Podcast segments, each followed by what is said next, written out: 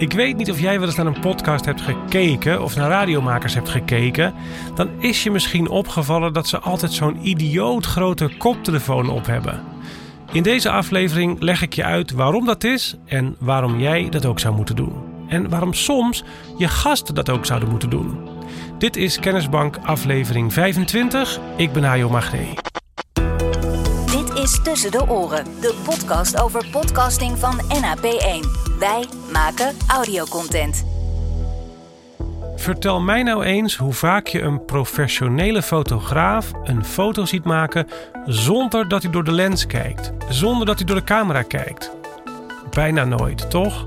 Waarom zou dat zijn? Nou, het antwoord is simpel natuurlijk, omdat de fotograaf graag wil zien wat hij doet. Anders heeft hij straks maar een half hoofd op de foto. Of staat die molen die hij in het midden wilde hebben ergens linksboven in de hoek. Of de horizon is scheef. En zo precies is het met het opnemen van audio natuurlijk ook. Hè. Je zet een koptelefoon op omdat je wil horen wat je doet. En ja, dat ziet er idioot uit. En ja, dat voelt soms wat ongemakkelijk omdat je jezelf een beetje afsluit van de buitenwereld. En toch is mijn belangrijkste advies: doe dat nou. Doe het echt. Zet die koptelefoon op. Als je zonder koptelefoon op in de microfoon gaat praten, dan doe je eigenlijk alles op de gok, alsof je blind foto's maakt. Want met een koptelefoon op kan je allerlei dingen horen die je zonder koptelefoon niet kunt horen. Bijvoorbeeld, je kunt horen of het geluid überhaupt wel binnenkomt in je opnameapparaat. Je kunt het horen als de kabel eruit valt, als je te maken krijgt met een kabelbreuk of een andere storing. Je kunt het horen als je microfoon te hard of te zacht staat. Je kunt het horen als je te dicht bij de microfoon zit of juist te ver weg, of als je te veel naast de microfoon praat. Je kunt het horen als je te veel smakt of te veel pace en bass te, te veroorzaakt. Dat dus. Je kunt het horen als er een fragment van iets wordt ingestart in de podcast. Als iemand iets uit een nieuwsuitzending wil laten horen, bijvoorbeeld, of een ander van tevoren opgenomen stukje. Je kunt het horen als er muziek onder de stemmen zit. En als je buiten opnames aan het maken bent, is die koptelefoon ook heel handig om te horen of de bijgeluiden niet te sterk zijn.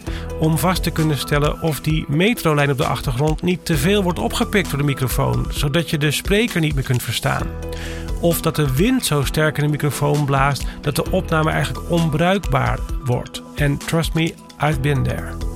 In zo'n buitengeval is het wel noodzakelijk dat je een goede geluidsdichte koptelefoon opzet. Zodat het geluid dat jij door die koptelefoon hoort niet wordt verstoord door dingen die direct je oor bereiken.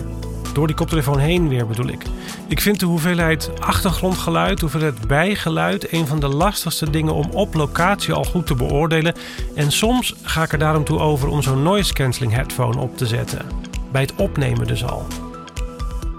Dus ik zou je willen adviseren om zelf in ieder geval een koptelefoon op te zetten. En ik doe het zelf eigenlijk ook altijd bij gasten aan tafel. Dus bij zo'n talkshow podcast krijgt elke spreker een eigen koptelefoon op. En ja, dat vinden ze soms een beetje ongemakkelijk. Maar ze kunnen dan eventueel dus muziekjes en instarts en andere van tevoren opgenomen dingen in ieder geval goed horen. Want die speel ik nooit af over speakers. En het heeft ook als voordeel dat ze het net iets sneller horen als ze zelf te ver bij de microfoon vandaan gaan zitten. Ik probeer ze natuurlijk altijd uit te leggen hoe ver ze daar vandaan moeten zitten. En bij een dynamische microfoon is dat dus ongeveer een vuist. Dat heb ik wel eerder verteld. Maar onervaren sprekers vinden dat heel dichtbij. En die hebben vaak de neiging daar een beetje bij weg te draaien of achterover te leunen. En als je ze nou een koptelefoon opzet, dan horen ze iets sneller dat ze zachter worden. Dat ze zijn weggedraaid of achterover zijn gaan leunen. En dan hebben ze iets eerder de neiging weer wat dichter bij de microfoon te gaan zitten. Dus eigenlijk is het principe hetzelfde. Ook hier weer. Je wil dat ze kunnen horen wat ze doen. Maar ik doe dat ook weer niet ten koste van alles hoor. Als er sprekers zijn die zich echt heel ongemakkelijk voelen met zo'n ding op hun hoofd. Die bijvoorbeeld ook echt niet kunnen wennen aan het geluid van hun eigen stem door een koptelefoon. Dan mogen ze hem wat mij betreft aflaten. En als ik buiten gesprekken opneem, dan zet ik mijn gasten ook geen koptelefoon op. Meestal alleen al omdat er simpelweg maar één koptelefoon aansluiting op die handheld recorder zit. Dus dan zet ik die koptelefoon die erin kan zelf op. En het is ook een beetje omdat je bij storytelling interviews vaak toch nog gaat monteren. En dan heb ik veel meer gelegenheid om iemand bij te sturen als hij te ver bij de microfoon vandaan gaat staan. Dan zeg ik gewoon: hey, kom even wat dichterbij. We doen deze vraag even opnieuw. En dat is iets wat je bij een talkshow natuurlijk niet zo snel zou doen, omdat je daar dat semi-live gevoel wil houden. Maar Maar dan gaat het allemaal nog om dingen die jij of je gasten kunnen horen. En er is nog een andere reden om een koptelefoon op te zetten. En die doet zich vooral voor als je in een videovergadering zit. Dan wil je namelijk niet alleen jezelf horen via die koptelefoon, je wil ook de andere sprekers horen via een koptelefoon. En waarom? Omdat je niet wil dat het geluid van die andere sprekers uit speakers komt, die van je laptop bijvoorbeeld.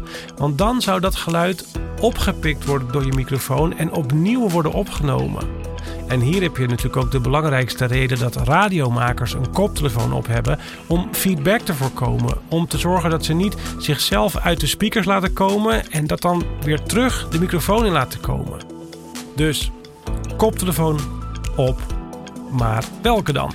Welke koptelefoons kan ik aanbevelen? Nou, om te beginnen is het simpel. Iets is beter dan niets. Dus de oortjes die bij je telefoon kwamen, die zijn misschien al hartstikke bruikbaar. Tenminste, als het nog van die ouderwetse zijn. Hè, met een draadje die je dus ook kan aansluiten op een recorder of op een audio interface. Je hebt trouwens een verschil in open back headphones en closed back headphones. Als we naar die grote dingen gaan kijken, dus niet je telefoonoortjes.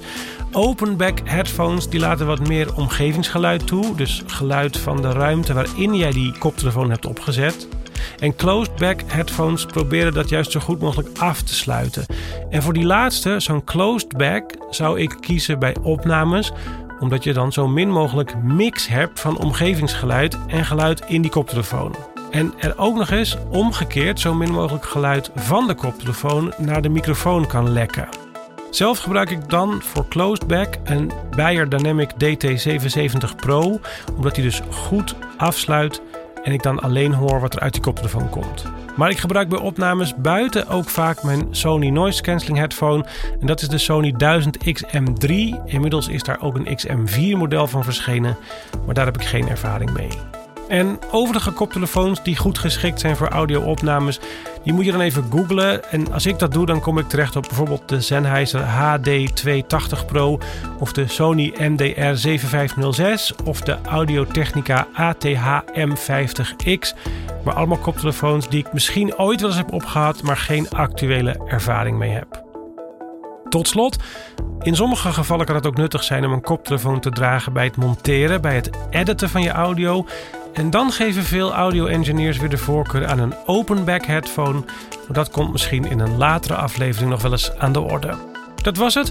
Je kunt de informatie uit deze aflevering ook terugvinden in de podcast Kennisbank op onze website. Dit was Tussen de Oren van NAP1. Wij maken audiocontent. NAP1.nl